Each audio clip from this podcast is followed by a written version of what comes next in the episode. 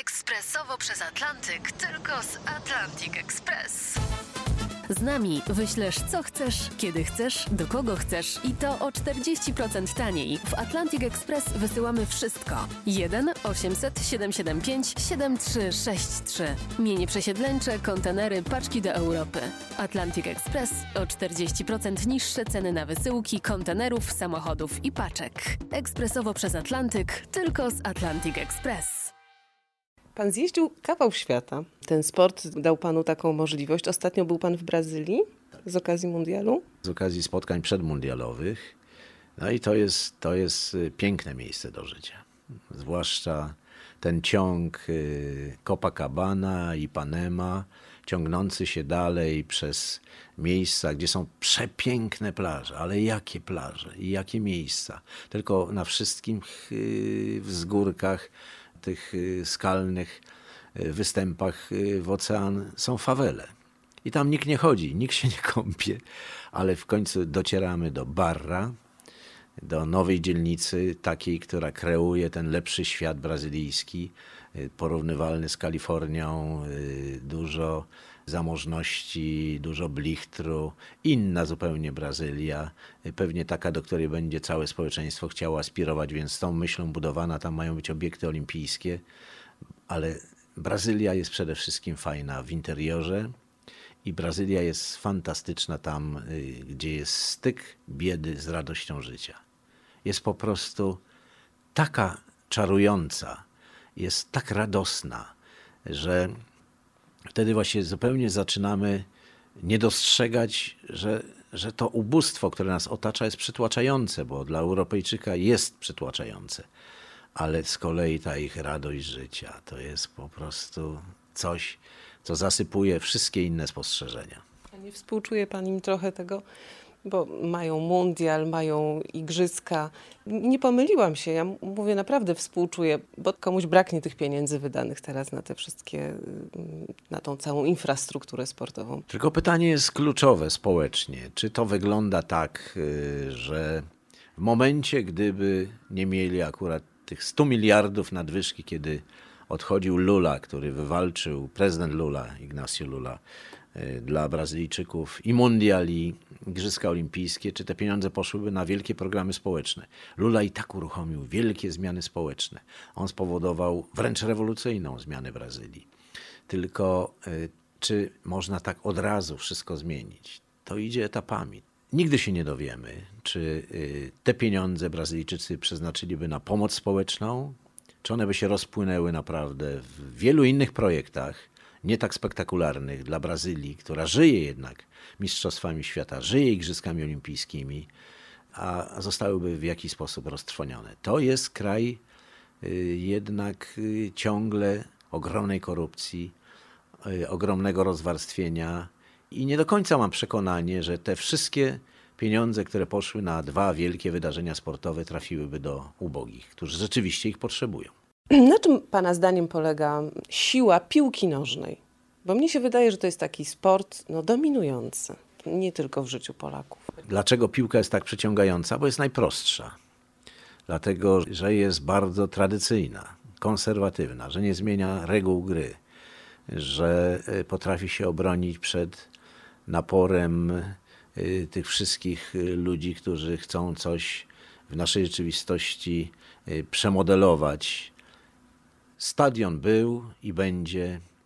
Piłka jest taka sama, bramki takie same, 11 ludzi gra i po prostu jest w tym wielka magia przyciągania, bo yy, poświęcić dzisiaj, w czasie, kiedy jesteśmy tak zajęci, 90 minut na dwie połowy widowiska, to jest naprawdę coś y, ważnego. To warto traktować nie z przymrużeniem oka, tylko z jakimś zastanowieniem.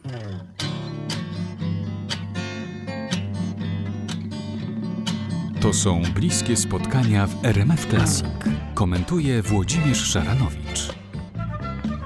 Pan jest głosem takiej gry i podobno pan schudł strasznie nagrywając tą grę. Czy to jest prawda?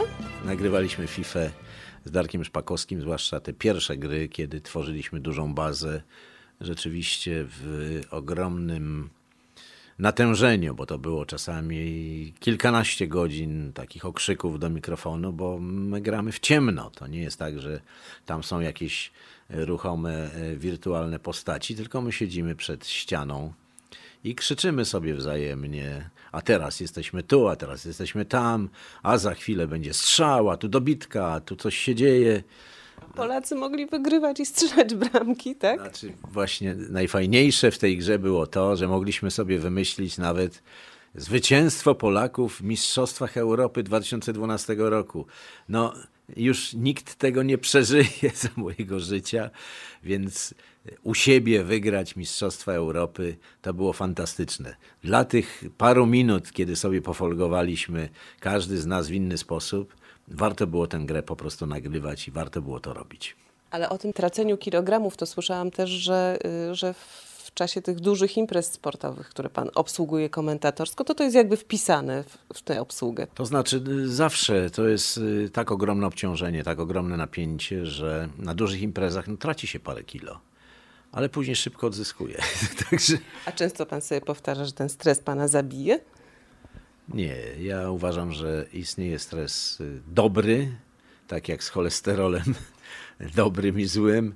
Istnieje stres dobry i w sporcie jest stres dobry i ja y, nie boję się tego, że ten stres mnie któregoś dnia zabije. Raczej bałbym się tego, że pozbawiony właśnie tej dawki adrenaliny, tej ogromnej dozy dopingu takiego wewnętrznego, zacznę się starzeć i rozsypywać. Tego bym się raczej obawiał, a nie tego, że będę się musiał mobilizować i coś robić jeszcze, y, ścigając się z młodymi ludźmi, czy też współpracując, byłoby bardziej właściwie, dlatego że tworzymy jednak team. Nikt nie wygrywa indywidualnie, zawsze jest to jakiś zespół, a muszę powiedzieć, że zespół y, moich przyjaciół telewizyjnych jest naprawdę świetny. Co potwierdziły ostatnie igrzyska w Soczi. Dostaliśmy od widzów 90% akceptacji dla komentatorów, 90 parę dla różnych y, form, które uprawialiśmy. 88% u nas zadowolonych. To naprawdę jest wielki wynik, dlatego że tylko 2% było niezadowolonych. A wiemy, to, jest też pewnie jakiś stereotyp, że lubimy trochę ponarzekać. W związku z tym tych narzekających było no, minimalnie 2%, to niewiele. Pan przed Soczi, pytany o szanse medalowe Polaków, powiedział, że nasz strażak Zbigniew Brudka powinien coś pokazać. No i bingo, jak będzie z mundialem. Ja bym chciał, żeby Mistrzostwa Świata tytuł wywalczyła Brazylia, dlatego że to jest pierwszy i ostatni mecz, jaki zagra na Marakanie.